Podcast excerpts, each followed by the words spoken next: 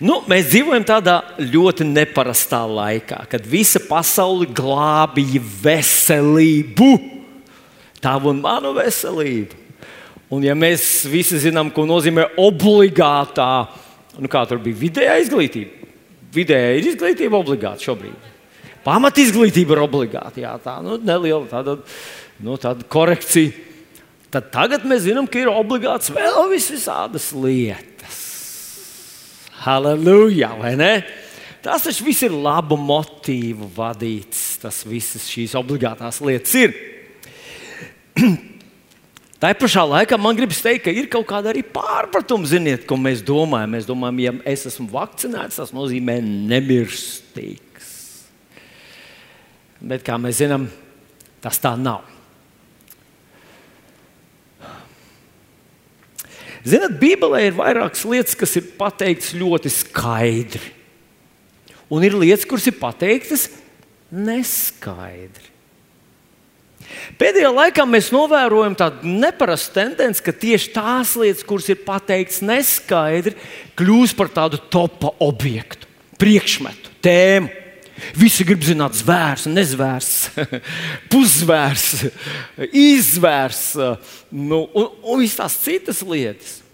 Un tās lietas, kas ir pateiktas skaidri, nu, tā viņš šķiet, ka vairs nav tik ļoti interesantas. Tās liekas, ka tās ir kā nespēcīgas. Lai gan patiesībā ir pilnīgi otrādi. Tās lietas, kas ir pateiktas skaidri, ir tās dzīvību nodrošinošās, tās uzturošās, tās vitāli svarīgās lietas. Un tās, kas nav pateiktas skaidrs, viņām ir mazāk svarīga nozīme. Es zinu, ka varbūt kādam liekas, nu, kā negribētos Vilnim piekrist. Bet uh, atcerieties uh, apsolu darbu pirmo nodaļu kur Jēzus parādās saviem mācekļiem pēc augšām celšanās, viņš ir viņu vidū un viss. Un tad tie mācekļi saka, kungs, nu, nu, ah, ah, nu mēs sapratām, vai šis ir tas laiks, kad tagad tu uzcels. Un Jēzus tā pavisam mierīgi saka, puiši, es jums pateikšu principu. Nesatraucieties par lietām, kuras Dievs ir atstājis savā ziņā Kā nesatraucies? Mēs, mēs, mēs garām gājām veikalam, tur man uzspied, vai tā ir zvērstība, nav zvērstība. Nē, nē, viņš par to nesatraucieties. Bet jūs dabūsiet spēku. Par ko man vajadzētu satraukties? Par to, ka tu esi liecinieks šajā laikā. Amen! Brāļi, māsas, šodien es ticu, ka Svētais Gars pamudināja mūs runāt par tām svarīgām lietām Tas kā mūsu fizioloģiskajā ķermenī ir lietas, bez kurām mēs nevaram, nu, vai procesi, kur, bez kurām mēs nevaram nodzīvot sekundes. Ja mūsu sirsniņa apstājas, blūkšķi mēs krītam zemē. Ja mums nav asinsspiediena, blūkšķi mēs krītam zemē. Mums var kaut kur sāpēt, un varbūt kaut kur sāp gadiem ilgi. Mēs staigājam, piedomājam, nevelkam kurpes, pērkam īpaši tādus kurpes, kur mums nespiež tur, kur ir. Un mēs dzīvojam, bet ir lietas, bez kurām nevaram iztikt. Un es gribu šodien apgalvot un atgādināt tev, mīļais draugs, ka tās lietas, par kurām Bībele runā skaidri, ir jātur ļoti dārgas un vērtīgas. Šodien par vienu no tādām mēs runāsim, un tā ir ticība. Bet pirms mēs runāsim par ticību, gribu pastāstīt jums un atgādināt kādu stāstu par kādu vīru. Nosauksim viņu par Juri. Viņš strādāja pastāvā. Bet pastā bija tāda arī nodaļa, kurā, kurā Jurim, Jūra pienākumos bija tik galā ar sūtījumiem, kuriem bija neskaidri uzrakstīta adrese. Vai varbūt nu, kaut kas tur nesalasāms un nesaprotams. Vienu dienu Juris atnāk uz darbu, un viņš paņem savā rokās kārtējo tādu sūtījumu un skatās uz aploksnīti. Un tās aplo, uz tās aploksnītes ar tādu drebelīgu rokrakstu uzrakstīts Dievam. Nu, jūs domājat, ne pasta indeks, nekā īsti nezinu, uz kurien lai sūta. Jāatver vaļā, lai es varu nu, saprast, ko ar šo te darīt. Un ļaujiet man izlasīt to, kas tur tajā vēstulītē Dievam bija rakstīts. Mīļais Dievs, es esmu 83 gadus veca atraitne, dzīvoju viena Man ir ļoti maza pensija, izskatās pēc Latvijas, vai ne? Bet tas nav Latvijā. Vakar kāds nozaga manu maku. Tajā bija 100 dolāri, kas bija visa nauda, kas man ir atlikusi līdz nākamajam pensijas maksājumam. Nākamajā svētdienā ir Ziemassvētki. Un man bija nodoms uzaicināt divas manas draudzenes uz svētku vakariņām. Mēs tā darām gadiem ilgi. Bez šīs naudas man nav iespējams nopirkt pārtiku, un man nav neviena, man nav ģimenes, pie kuras vērsties. Tu esi mana vienīgā cerība. Vai vari lūdzu man palīdzēt? Patiesā cieņā Edna. Juris bija ļoti aizkustināts. Viņš izlasīja šo vēstulīti. Viņš izlēma parādīt savam kolēģim, kas tur blakus strādā. To arī aizkustināja tā Ednas vēstulīte. Un kolēģis tūlīt pagrāba makā, salika un at, atrada dažus dolārus, kurus viņš varēja atļauties un Ednai nodot. Viņiem radās doma, kā būtu, ja viņš apstaigātu visus savus kolēģus ar šo vēstulīti, un varbūt mēs varam kaut ko samesties, katrs dažus dolārus. Un kas to zina, beigās tur viss sanāk. Kad Juris bija beidzis sarunu ar pēdējo savu kolēģi, darbinieki bija saziedojuši 96 dolārus. Juris tos ielika aploksnē, aizlīmēja to ciet un aizsūtīja atpakaļ, uzrakstīja virsū Ednai. Jurim bija ļoti patīkams sajūta. Viņš Viņš paskatījās uz saviem kolēģiem, kas tur apkārt strādāja. Likās, ka visiem ir tādas asaru pilnas, siltas sirdis, kāpēc izdarīta laba darba. Atnāca Ziemassvētki un pagāja.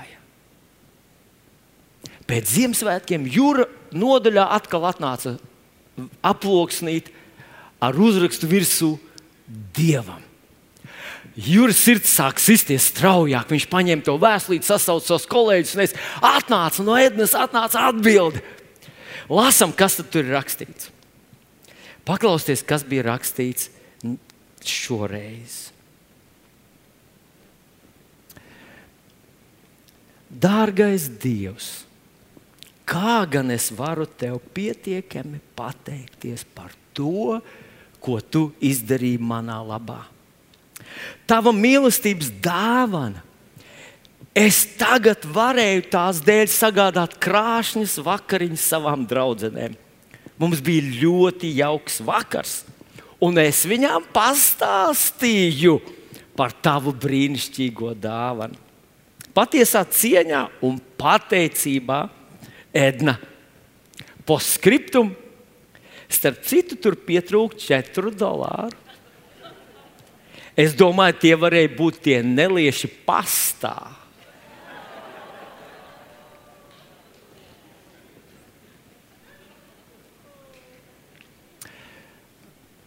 Ziniet, mēs visi varam pasmaidīt par ēdnu un domāt, nu, ja vecākām kundzītēm tā var gadīties. Bet vai nav tā, ka arī mēs kādreiz īsti nezinām, Kas ir mūsu labklājības, veiksmes un uzvaras īstenais avots? Varbūt mēs to pierakstām kādam, kam ar to mūsu labklājību, mūsu uzvaru, vai apsardzību, vai veiksmi nav nekāda sakara. Un te es domāju, esmu dzirdējis gudrus cilvēkus, kas saka, mans mirušais tētis man palīdz, visums man palīdz, zvaigznes tā izdarīja, daba vai vēl kas, kas cits. Ja tu esi ticīgs cilvēks, es gribu teikt, ka Bībele ļoti, ļoti lielu akcentu liek uz to, ka tavā dzīvē lielus un brīnumainus darbus dara tava ticība.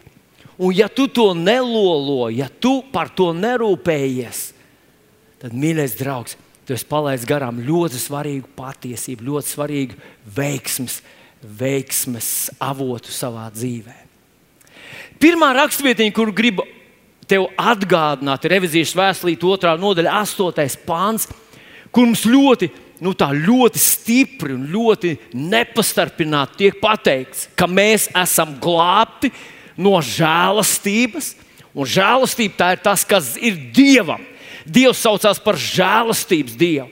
Atcerieties, 2. korintiešiem 13, 13 rakstīts, lai kunga Jēzus žēlastība. Dieva mīlestība un svētā gara sadraudzība jūs pavadīja. Kunga Jēzus žēlastība ir tas, ko Jēzus priekš mums ir izdarījis. Mēs esam izglābti žēlastībā. Un jaunais tulkojums mums ļoti konkrēti un skaidri saka, tieši tāpat kā to saka arī King James tulkojums. Manam dēlam nepatīk King James. Viņš saka, ir daudz modernāk un, un labāks valodas, angļu valodas tulkojumi. Bet esmu klausījies vairākus tādus ļoti, nu, manuprāt, iespējams, ka mans paudzes sludinātājs, kas uzticās ļoti šim senatnīgajam, varbūt senai, nemūsdienīgai valodai, bet viņi saka, ka tie tulkotāji bijuši ļoti godīgi pret šo te tekstu. Un tāpēc es šeit pieminu tieši šo te King James tulkojumu. Un tur ir arī tā doma ielikt iekšā, ka no žēlastības jūs esat pestīti, bet saņemam mēs to caur ticību. Un nav cita veida.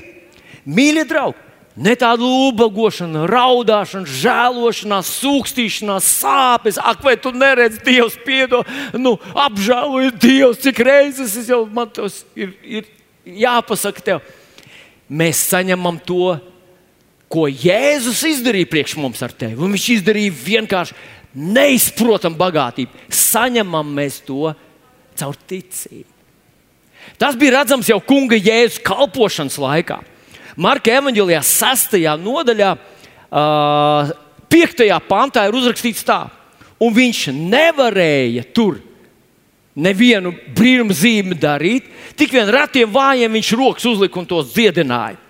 Un tad sestais pāns, Marka 6, 6 uzrakstīts, kāpēc viņš nevarēja. Nevis nedarīja, nevis negribēja, bet nevarēja izdarīt. Un tā tur rakstīts 6, 6, Marka 6, 6. Viņš brīnījās par viņu neticību. Nu, mēs kādreiz domājam, ka neticīgi tie ir tie, kas ir dzērāji, kas, kas, kuriem ir paģiras, kas pārkāpj laulību, tie, kas zog, laupa un tā tālāk.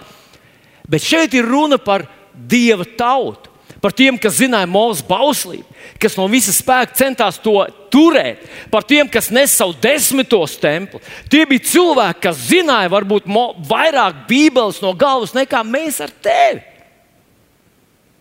Un Jēzus brīnās par viņu neticību. Un viņš nevar neko darīt. Es uzdošu vēlreiz retorisku jautājumu. Kā jūs domājat, vai varētu būt tā, ka šodien tik maz mēs redzam Dieva darbu apkārt, tik maz mēs redzam to savā dzīvēm? Un tas nav tāpēc, ka Dievs nogaida, negrib, viņš mūs pārbauda, vai, vai nav viņa laiks, bet tāpēc, ka mūsu neticība ir tik ļoti liela un dominējoša, ka ticībai mēs vispār nepiešķiram nozīmi. Un šodien man gribas apgalvot, ka ticība ir pamesta novārtā. Manā oficiālā ir viena puķīte, kuru, kad man viņu uzdāvināja, viņa bija skaista, kupla ar daudzām lapām, ļoti dekoratīvs augs. Bet redziet, Par ko tas runā? Par ko tas runā? Šis, šis, tā ir tā pati dārgā, skaistā, ko man kāds uzdāvināja, lai, lai man ļoti piedod tas, kas man to uzdāvināja. Par ko runā šis skats? Tas runā par kopēju. Respektīvi, šī gadījumā par maniem.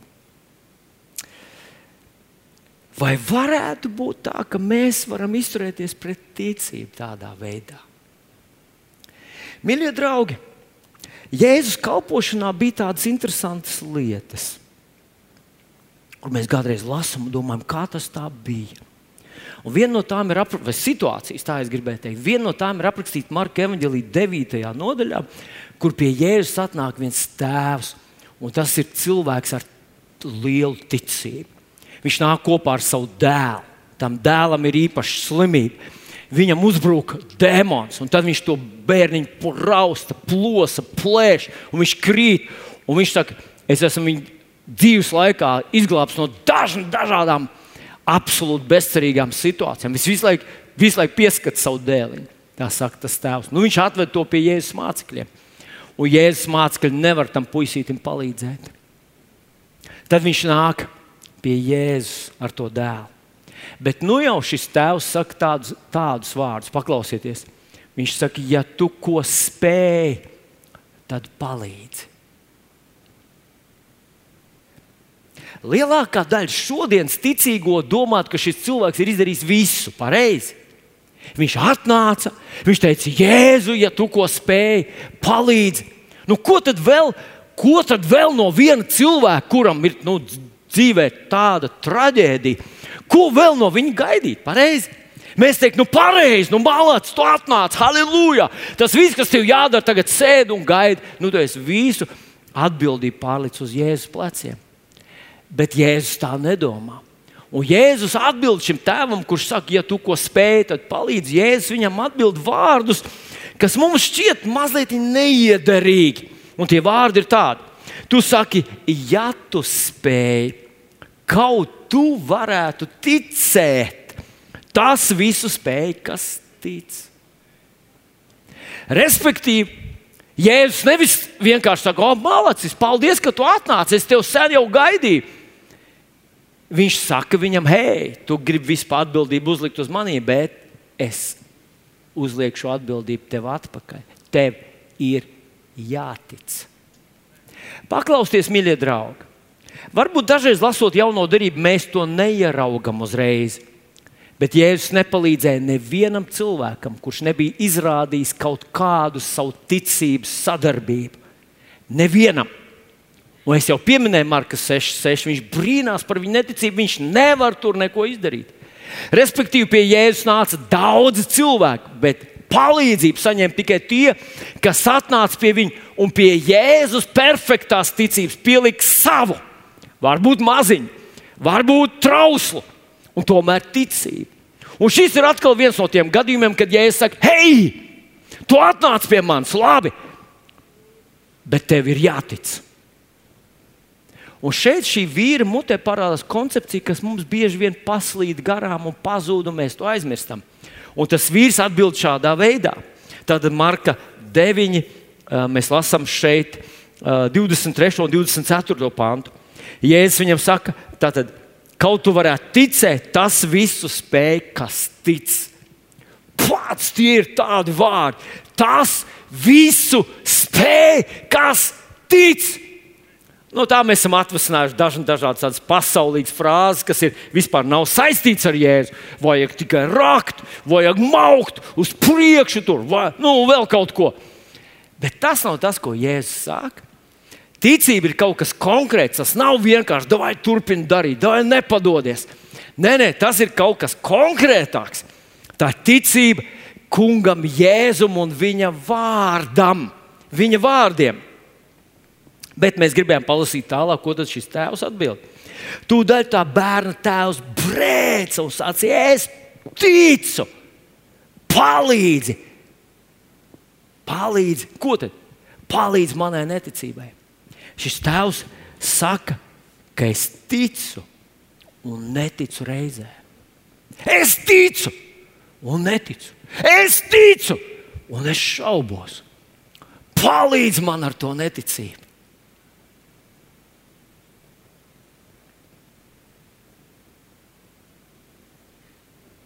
Kā tev šķiet, ja tu izdarītu inventarizāciju šajās divās istabās, ticības istabā un neticības istabā? Kur ir pilnāk? Kurā ir vairāk enerģijas? Kurā ir vairāk tavu domu stundu, ja tā drīkst to nosaukt? Ko tu domā? Atcerieties, apelsīns Pēters ir viļņos. Pirms tam viņš staigā pa viļņiem. Bet tad viņš novērš savu skatu no Jēzus, kurš ir mesija, glābējs, kura, vā, uz kura vārdu var iemest tīklu dienas laikā un izvilkt necerētu lomu. Viņš pārvērš savu fokusu uz viļņiem, un viņš sāk domāt, ģenerēt to, viņa neticība sāk darboties, un viņš slīkst. Mēs varam ticēt un neticēt, Mēs varam ļaut savām domām auļot kā tiem satrakotiem zirgiem, bez maršruta, bez virziena. Viņi auļo tur un šeit, un viņi mētās no vienas galības otrā. Un mēs sakām, jā, es nezinu, ko ar maniem, kas ar maniem visādi domas skrien galvā. Es esmu tāds sabojājis, radio uztvērējis, man nevar noregulēt ne uz kādu vilni. Es vienkārši.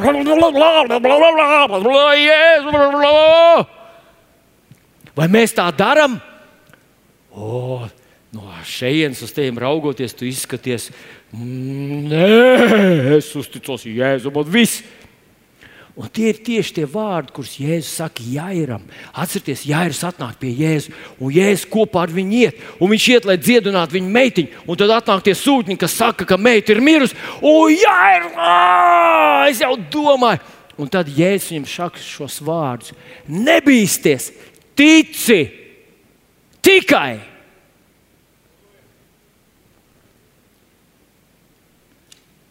Ko, ja Jēzus šodien parādītos šeit uz platformas, pienākt pie tevis un teikt, man ir atbilde tavai dzīvei?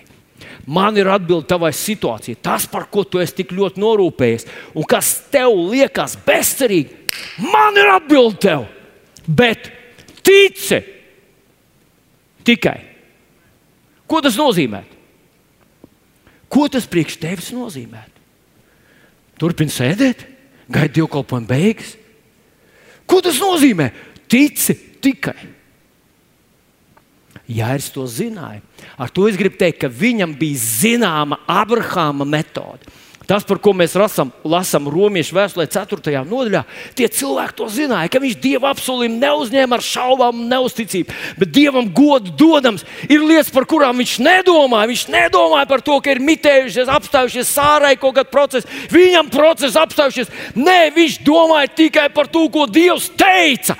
Skatījās uz zvaigznēm un smiltīm.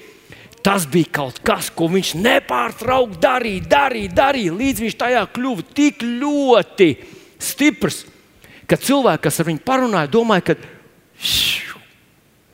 Jūs zināt, ka ticība, Jongi Čo, Deivids Jongi Čo, kas nu, nu jau ir mūžībā, nosauc to par ceturto dimensiju. Cilvēkiem ir garums, platums un augstums. Un viss normāliem cilvēkiem ir tikai trīs dimensijas, bet Abrahamam bija ceturtā. Un tā ir tā, kas dominēja viņa dzīvē. Viņš redzēja Dievu un viņa spēku. Un tas ir tas, ko Jēzus saka Jairam, un tas ir tas, ko Jēzus saka šim tēvam.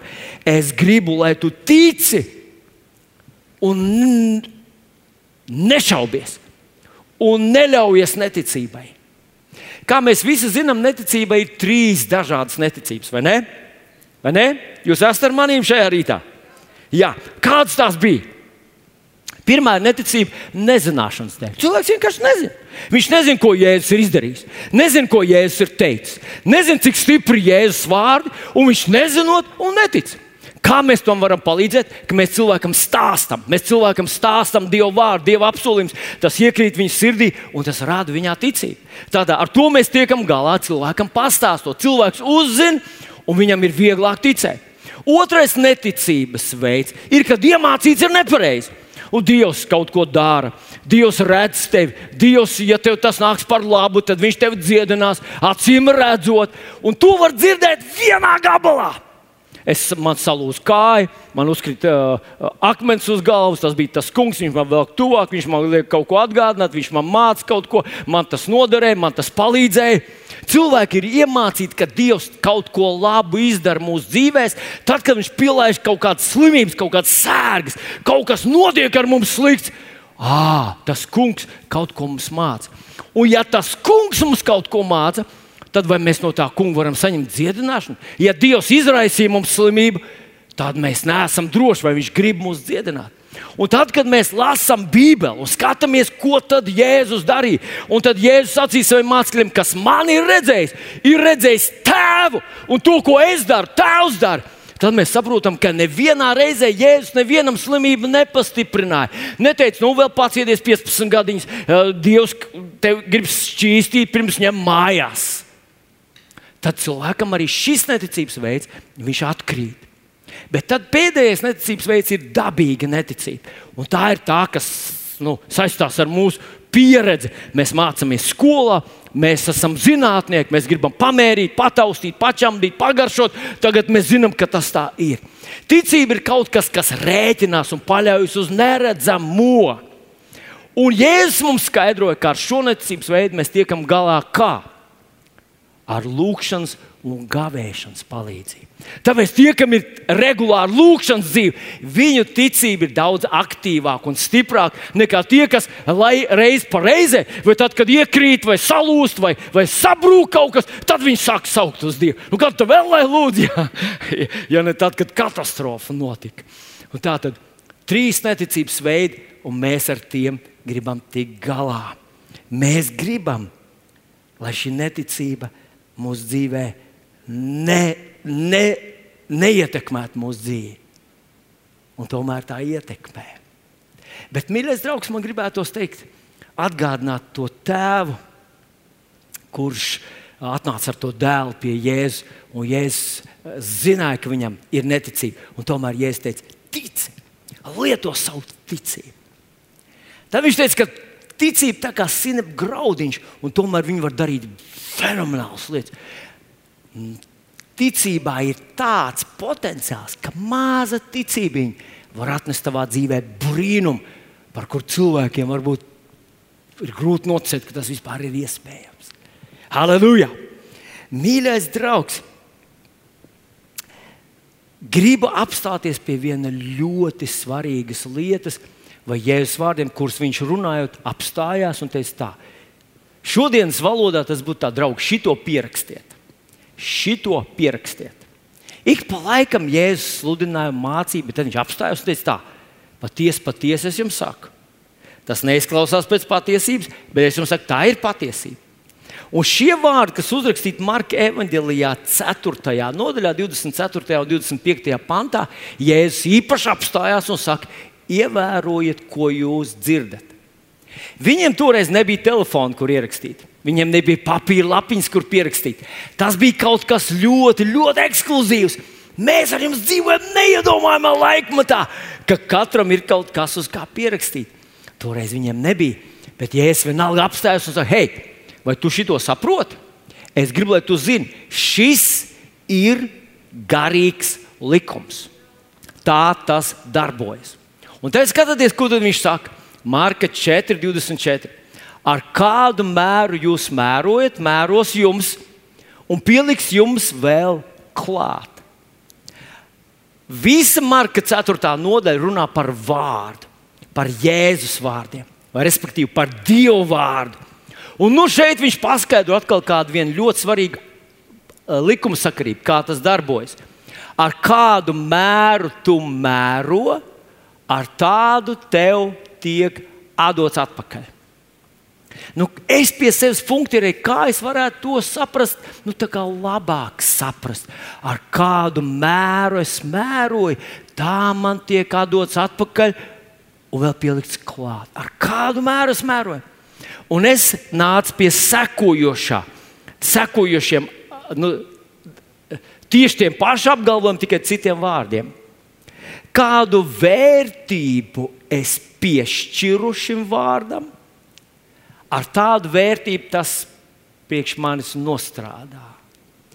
Kādu vērtību es varu piešķirt tam ļoti, Bībele ir ļoti vērtīga.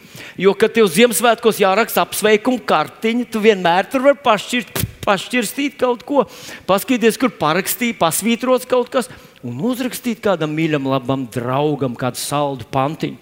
Vai ir vērtīgi? O, jā, cilvēki ir gatavi maksāt naudu par tādu dzīvoļu grāmatiņu, kur var atrast kādas pantiņas. Tev tāda ir. Tā ir vērtība. Kāds saka, tas kaut kas vairāk, tās ir kaut kādas ļoti labas filozofiskas atziņas, bībelītēs palas, kā tur ir gājis un tā tālāk. Jā, tur jauki. Un tad kādreiz kāds izmanto, hop! Oh, nē, nē, nē, tas nevar būt par mani. Nu, Gan arī vai zīlēšanai. Cilvēki domā, jā, tas ir labi. Kāds liek zem spilvena, Bībele saka, Uh, cik es labi guļu, kad spilvena, zem spilvena ir Bībele. Bībele ne mobilo telefonu, bet Bībele palīdz zem spilvena. Tas ļoti uzlabo. Bet ir cilvēki, kuriem Jēzus vārdi nozīmē visu. Tie cilvēki, kas Jēzu sauc par kungu, viņš ir kungs. Un viņa vārdi ir absolūtā galējā autoritāte un galējā patiesība. Tātad, ko viņš te saka? Viņš saka, cik tu ieguldi tajā vārdā, tik tu saņem atpakaļ.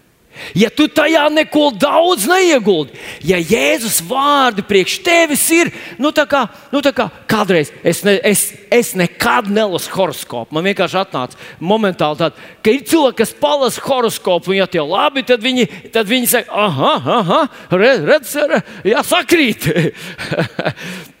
un dažreiz cilvēki tāpat lasa Bībeli. Man gribētu saķert savus nedaudzos matus un plēst ārprāts, ko jūs darat, cilvēki. Jo tas pats vārds kādam var nozīmēt brīnumu, un kādam vienkārši tādu mazu saldu tekstiņu, un viss. Šis ir garīgs likums. Cik ļoti lielu vērību, vērtību tu piešķiri Jēzus vārdiem, tieši tādi viņi priekš tevis arī ir. Un, zinām, inerts vēl tajā. Ja tu saki, tas nekas liels nav, tad tas vēl paturpinās tālāk. Ja tu saki, viņš tā teica, es tam ticu, un tas atrisina visu.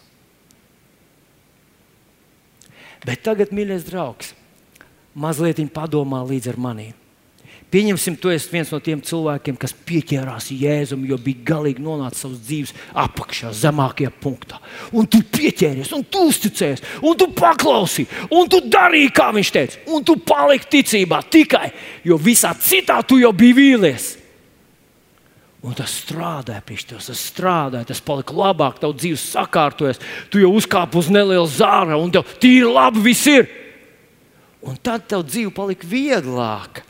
Un tu to lielo vērtību vairs nepiešķīri. Tu sāk jau samazināt to viņa vērtību, nozīmi. Nu, vērtība arī tā, cik ļoti paklaus, kad viņš saka, tev jādara tā, tu piedod, jā, nesarūkties, jā, kungs. Bet tu samazināji to, vai ir iespējams, ka šis process ir atgriezenisks, un tu atkal atgriezies pie tās tās situācijas, ka tas vārds gan ir, un tu viņu gan izlasi, bet tavā dzīvē viņš darbojas par 5%. Ir iespējams? Paskatāmies tālāk, Marka 4, 25, 25. pāns. Viņš saka to pašu, tikai citiem vārdiem. Jo kam ir, tam dos, un kam nav, tam atņems to, kas tam ir šis. Es speciāli parakos, mazliet es vairs neatceros to grieķu vārdu, kas tur ir rakstīts, bet tur tā doma ir tāda. Viņu var tulkot arī, kam ir. Bet faktiski viņš saka tā, to, kas tur, to, kas tur to vārdu, tam iedos vēl. To, kas ir saņēmis atklāsmi, un viņš to tur, viņš tajā dzīvo, tam iedod vēl. Bet kas to nedara, tam atņems arī to, kas tam ir. Es atzīšos jums, ka manā dzīvē ir bijuši tādi brīži, kad tev liekas, ka tu esi ticīgais jau, jau vairākus gadus. Un, un priekš tevis tā ir katru svētdienu, tā kā tāda jauna pasaule atverās vēlreiz vaļā. Un tu klausies, jā, jā, jā, jā izklausās pareizi, izklausās stipri, bet pēc nedēļas tev no tā nav palicis nekas. Vai tas varētu būt kaut kādos dzīves periodos tavs gadījums, ka tu neturēji to, kas ir? Ziniet, kā es gribētu to ilustrēt ar kādu visiem zināmu lietu, ar tādu kustību. Mēs visi zinām, ka mūsu ķermenis ir tāds izveidots, ka viņš ir jālieto, vai mēs to zaudējam.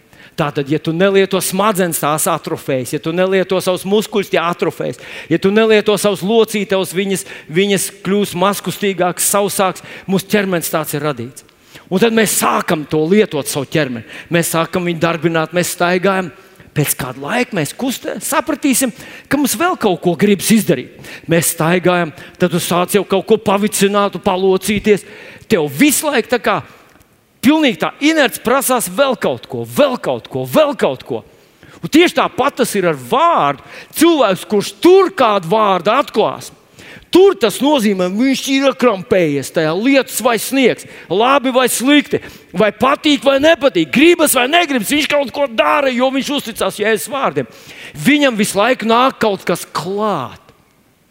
Un, ziniet, manā paša dzīvē ir bijis tā, ka Dievs man uzrunā ar vienu apsolījumu. Un es par to domāju. Es tiešām domāju, meditēju. Es, es kļūstu par cilvēku, kurš šī, caur šo apsolījumu prizmu redz savu dzīvi, redz savu nākotni. Es saku, Dievs man palīdz. Un viņš uzrunā atkal mani ar, ar kādu citu līdzīgu, un atkal ar kādu citu. Un es pie sevis sāku domāt, kungs, kas ar maniem notiek? Vai, vai man nepietiek ar vienu vārdu? Un es sapratu no šī, te, kam ir, tam dod vēl. Bet cilvēki, kas pazaudē to, kas viņam tika dots, apsolījums, viņam atņem arī to, kas tam ir. Un faktiski viņa ticības dzīve pārvēršas par šādu te. Kādreiz tas bija spēcīgs, dzīvīgs, skaists koks, piedodiet, bet par ko tas ir pārvērties tagad? Tieši šo domu mums saka nākošā raksturvieta, kur es gribu, lai tu ieskaties. Jo, manuprāt, tas ir kaut kas, jā, tas ir kaut kas, ko mēs gribam ieraudzīt un gribam paturēt prātā. Marka evanģelijas 4. nodaļa, un es izlasīšu no 26. pānta uz priekšu. Tāpat ir ar Dievu valstību, kā kad kāds cilvēks sēklu iemet zemē guļ un ceļas nakti un dienu, sēkla uzdīkst un uzaug tā, ka viņš pats to nenomana. Zeme pati no sevis nes pa priekšu stiebru, tad vārpu, tad briedušus graudus vārpā, un kad augļi ienākušies, tad viņš tūdaļ sūta sirpi, jo pļaujamais laiks ir klāt. Mīļie draugi, vai jūs redzat, ko, par ko viņš tur runā? Viņš runā, ka ticības dzīve vai Dieva valstī viena cilvēka dzīvē ir kā tāds process. Tas process sākās ar nevienam neredzamu lietiņu. Viņš sākās ar sinepju sēkliņu. Man te ir pudelīte iespējams ar, ar kādu pus, pustūkstoti sinepju sēkliņām. Skaties, es tagad paņemšu ārā vienu, ah, man izdevās paņemt piecas. Man izdevās paņemt ārā piecas sēkliņas, un es viņas nolikšu šeit uz melna viņas vajadzētu pamanīt. Iespējams, ka Olīte ar savu aso redz, tās redz. Bet es domāju, tur jau otrā un trešā rindā viņas vispār neredz. Tātad viņš saka, ka tas sākās no sēkla, tad ir stiebrs, tad vārpa, tad brieduši graudi, un tad tikai pļaujas laiks. Nu, es mēģināšu ilustrēt. Tātad tur ir sēkla, te būs stiebrs un vārpa. Stiebrs un vārpa, un pēc tam ir pļaujas laiks. Bet ļaujiet man parādīt to Marka evanģēlijā, 4. nodaļā, uh, 30. 30. pantā. Es izlasīšu, kā tur ir pateikts. Marka 4, 30. Kam mēs Dieva valstību pielīdzināsim, jeb kādā līdzībā mēs to tēlosim? Kā sinepju graudiņš, kas zemē sēdz, ir mazākais no visām sēklām virs zemes. Un kad tas ir sēdz, tad tas augtina aug, top lielāks par visiem dārza augiem un dabū lielus zārus tā, ka putni apakš debesis viņa pavēnī var līgzdas taisīt. Tātad tas mazais sākumiņš, kas sākās nevienam neredzams, izaug par lielu koku. Un Arvils mums to sagādās vienu koku, vienkārši ilustrācijai, lai mēs varētu ieraudzīt, kā šis process sākās un kā viņš var noslēgties. Te runā par koku, kas sākās neredzams, neredzams process, pārvērtās par ļoti skaistu, pagriezties smuko pusi pret zāli, par, par, uh, par ticības koku. Ļoti labi, ļoti labi. Ļoti labi. Tātad tas sākās šādi. Daži no mums domājām, nu, ka tas ir tas lielais Dieva spēks. Tas ir tas, ko Dievs dara manā dzīvēm. Tad pagāja kaut kāds laiks, un mēs nonācām līdz stiebram un vārpai. Un mēs domājam, jā, halleluja, slavu Jēzu. Mēs zinām, kas ir Dievs un kāds ir viņa darbs mūsu dzīvē. Bet rētais no mums sagaidīja to koka stāvokli. Mēs vienkārši aizmiegam. Mēs sākam domāt, ka citi ir tie, kas mums dod, nodrošina to labklājību un spēku, kas nodrošina mūsu veiksmu šajā pasaulē. Ir kaut kas cits.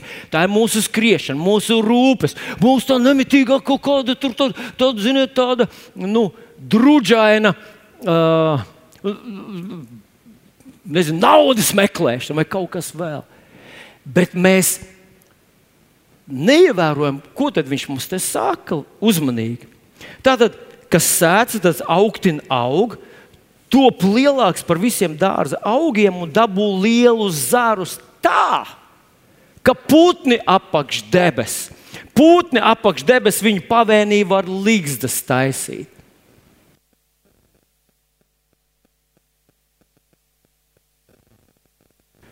Kas ir putni? Kas ir tie putni, par kuriem Marka evanģelijas 4. nodaļā runā šeit? Atceramies, ka tas ir ticības stāsts. Cilvēks reaģē uz Dieva vārdu pozitīvi. Līdz tas izaug par, putni, par koku, kurā putni var taisīt līdzes. Es esmu pārliecināts, ka runājot par putniem, Dieva vārds runā par tām lietām, kuras visi šajā pasaulē iekāro, dzenās Tās tās smukās lietiņas, tie spīdīgās mantiņas, kuras visa šī pasaule dzenās, viņi to grib kāro, viņi ir pēc tā augsts, viņi gatavi pārdot savus ģimenes, atdot savu veselību, lai iegūtu tie putni. Tie. Varbūt mums, latviešiem, ir grūti iedomāties, ka putns var būt kaut kas vērtīgs. Nu, jo mums ir virbuļi un baloži, un mēs sakām, fuck! Bet, kad tu aizbrauc uz kādu eksotisku valsti, un tur tā atliežās tāds kaut kāds kakadu ar dzeltenu knābu, ziliem spārniem, un tur uh, rozā pavēderi un zaļām kājām. Un, un tad viņam no nu, visām pusēm nāk visādi ārā bārkstis un, un, un putas un, un viss kaut kas. Viņš tur tāds lido, un un tu oh, rekur, rekur kāds modes eh, eksperts lido uh, pie mums. Un viņš nolaižas, un viņš kaut kādu skaņu izdvež. Un tu, oh! Cilvēki ir gatavi liels naudas maksāt, lai iegūtu vienu putnu savā mājā un tur to. Viņš runā, ka tas ticības stāsts, tava reakcija uz Dieva vārdu kļūst tik stipra, ka tavā dzīvē Dievs sagādā. Mums kaut kā liekas, ka Dievs grib, lai mēs esam asketiski, ka esam tādi aizskaut, tādi. tādi līdz kapam aizējām, tad tur sāksies muļķības. Paskatieties, kādu Dievs ir radījis pasauli. Paskatieties, kāds viņš mūs ir radījis. Mums nav viena acs pierē. Mums ir divas skaistas, mums ir divas rokas. Mūsu ķermeņi ir brīnišķīgi. Mums patīk skatīties, skatīties uz sportistiem. Dievs viņiem šīs spējas ir iedevis. Viss tas ātri skriet, lekt tur. Nezinu. Kaut kad bija uzslēdzis kaut kādas tās. Um, Eh, slēpošanas, kur tie visi tie mm, freestyles, man liekas, tie paraugu demonstrē. Tas slēpotājs tur griežas. Es domāju, vāver apjuktu, pazaudētu līdzsvaru. Tas cilvēks žim, žim, žim, žim, fūs kājām. Dievs, tu esi tādu radījis cilvēku, Dievs nav pieticīgs, asketisks, no nabaga mājas. Dievam nav problēmas tevi svētīt. Vienkārši tas viņa veids, tā viņa žēlastība tavā dzīvē ienāk cauri ticību.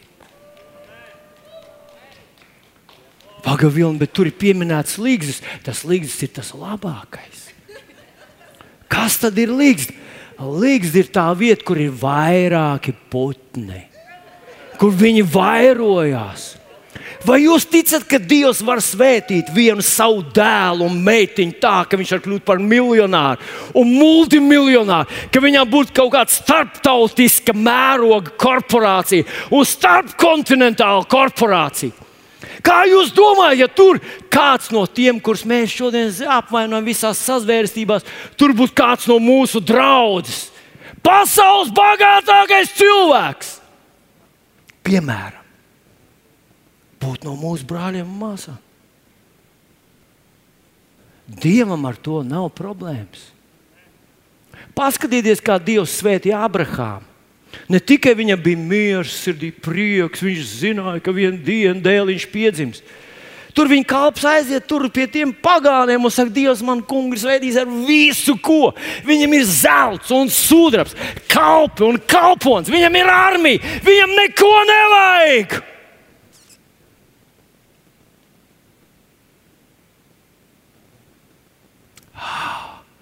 Kungs, bet redz, kur tā problēma sākās. Mēs iesākam ar to sēkliņu, tad mēs nonākam līdz kaut kam un tad mēs nobīstamies. Ziniet, kādreiz mēs sakām, labāk zīle rokā nekā mednis kokā. Un, kad tu nonāc līdz tā zīlītē, tad es sakām viņu, saka, nē, tālāk es vairs neiešu pa šo dievu ticības ceļu. Hei, nu, sazin, tā tad loterija man paveicās, paskaties apkārt, cik daudziem neveicas. Ziniet, ne jau veiksmē ir runa. Runa ir tajā, ka mēs vienkārši neusticamies Dievam līdz galam.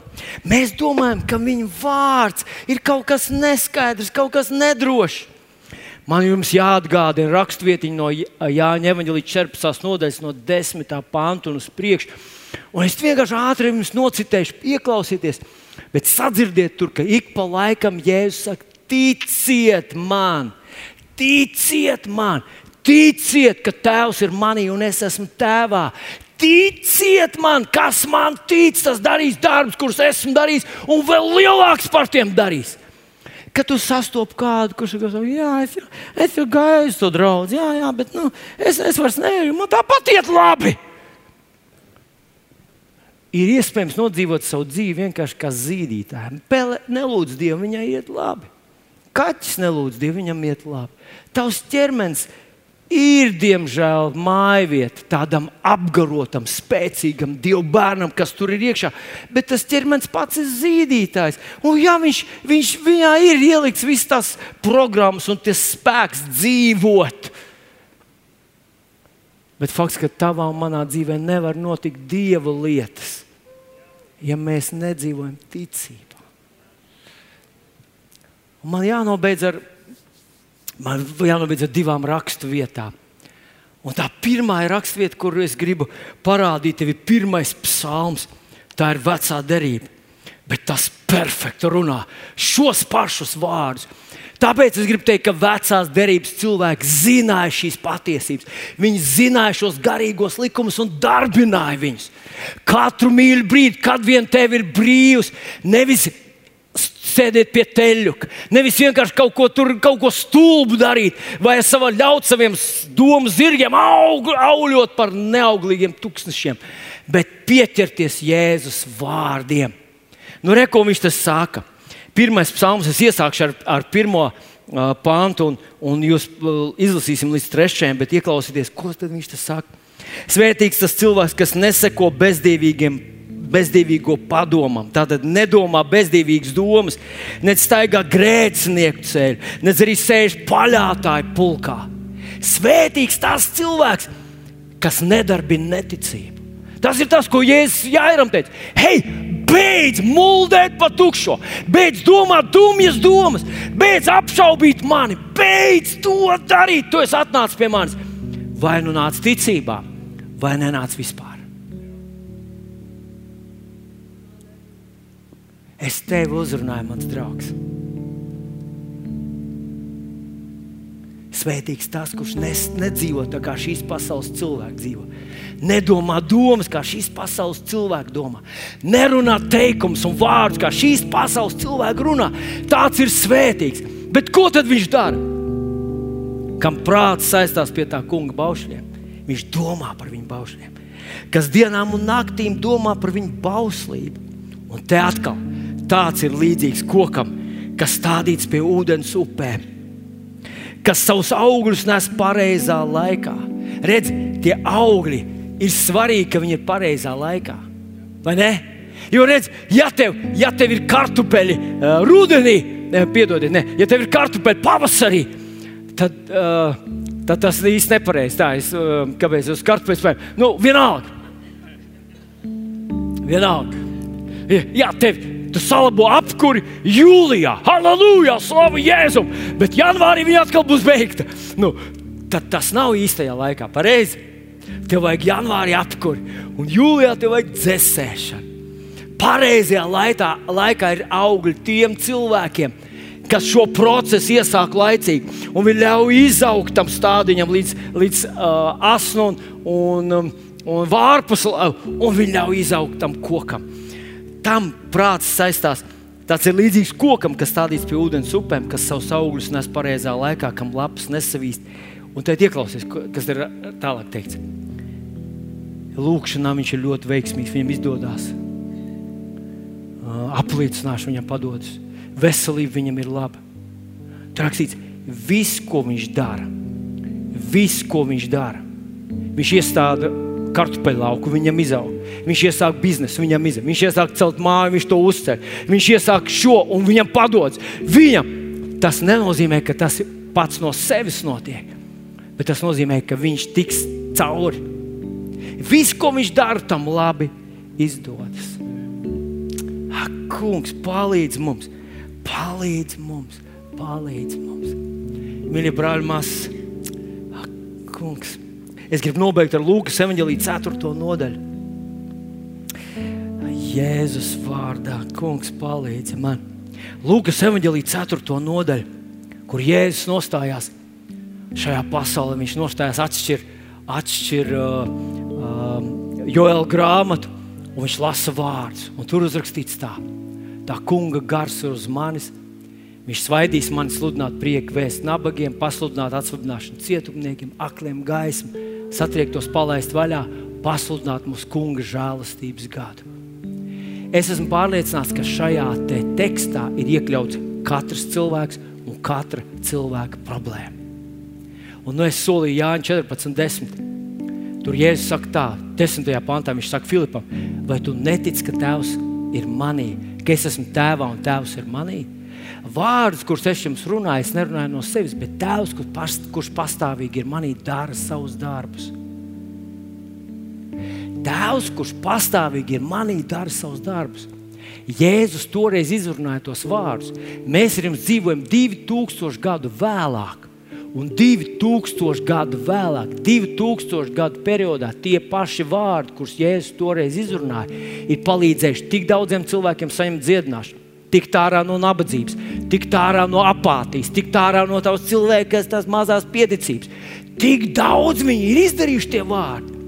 Ziniet, es gribu apgalvot, ka Jēzus vārdi ir tikpat stipri, ka tie vārdi, kad Dievs radīja pasauli, ka Viņš teica, lai top saule, lai top zvaigznes. Un tas vārds uztur zvaigznes, un sauli, un mēnesi, un zemi, un visus tos procesus. Dieva vārds ir tik stiprs. Un Jēzus faktiski mums saka, mani vārdi ir tikpat stipri, tie ir tie paši autentiskie Dieva vārdi. Tagad, kad viņš pasludināja šos te vārdus, es pasludinu tev prieka vēsti nabagiem. Tev nav jābūt nabagam. Tas, kur tu esi, tas finansiālais līmenis, kur tu esi, nav tāpēc, ka Dievs novilk šo līniju. Nē, tu esi samierinājies ar to. Tev ar to pietiek. Tu esi pārāk nogurs vai pārāk vecs Vai tu domā pārāk neizglītos, vai tā valsts ir pārāk nabadzīga, vai situācija, vai rajons, vai zeme, vai kas arī nebūtu, tu domā, ka ar to viss ir beidzies.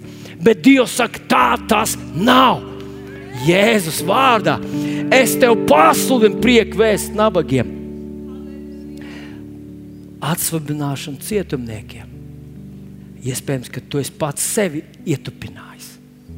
Iespējams, ka citi tevi ir ietupinājuši. Varbūt, ka tev vecāki jau bērnībā pateica, ka tu esi vienkārši tāds, kāds tu esi. Vienīgais, ko tu vari darīt, ir tas, ko tu dari. Un, un paldies Dievam, ka kādam to vajag. Un tā tālāk. Ir dažni dažādi cietumi. Jēzus šodien pasludināja brīvību tev un man. Hei, ir lielākas lietas, ir lielāka mēroga, ir lielāks spēks, ir dziļums, ir dieva spēka manifestācijas daudz lielākas akliem gaismu, satriektos palaist vaļā un pasludināt mūsu kunga žēlastības gadu.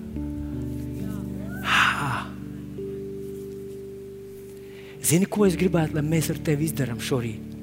Mēs iedomājamies, ka te ir atnācis Jēzus. Un tu esi viens pats šajā zālē. Viņš paskatās uz tevi un saka, tev, tā kunga gars ir uz manis.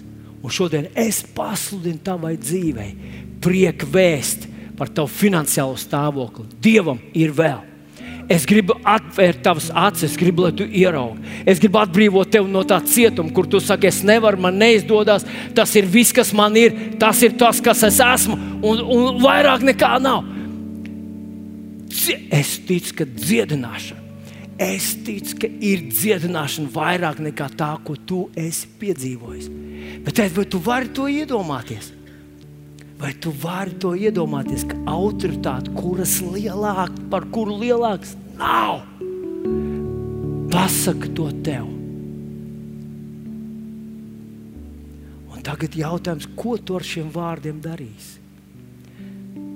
Varbūt man neizdevās to tik labi parādīt, bet tie cilvēki, kas tur bija Jēzum blakus, viņi kaut ko darīja Tas tēvs brēc, jā, es ticu, es pieņemu, jā, jā, es ne, ne, nemaldīšos neticības labirintos, vai es ticu, esmu izvēlējies, es ticu Jēzum Kristum.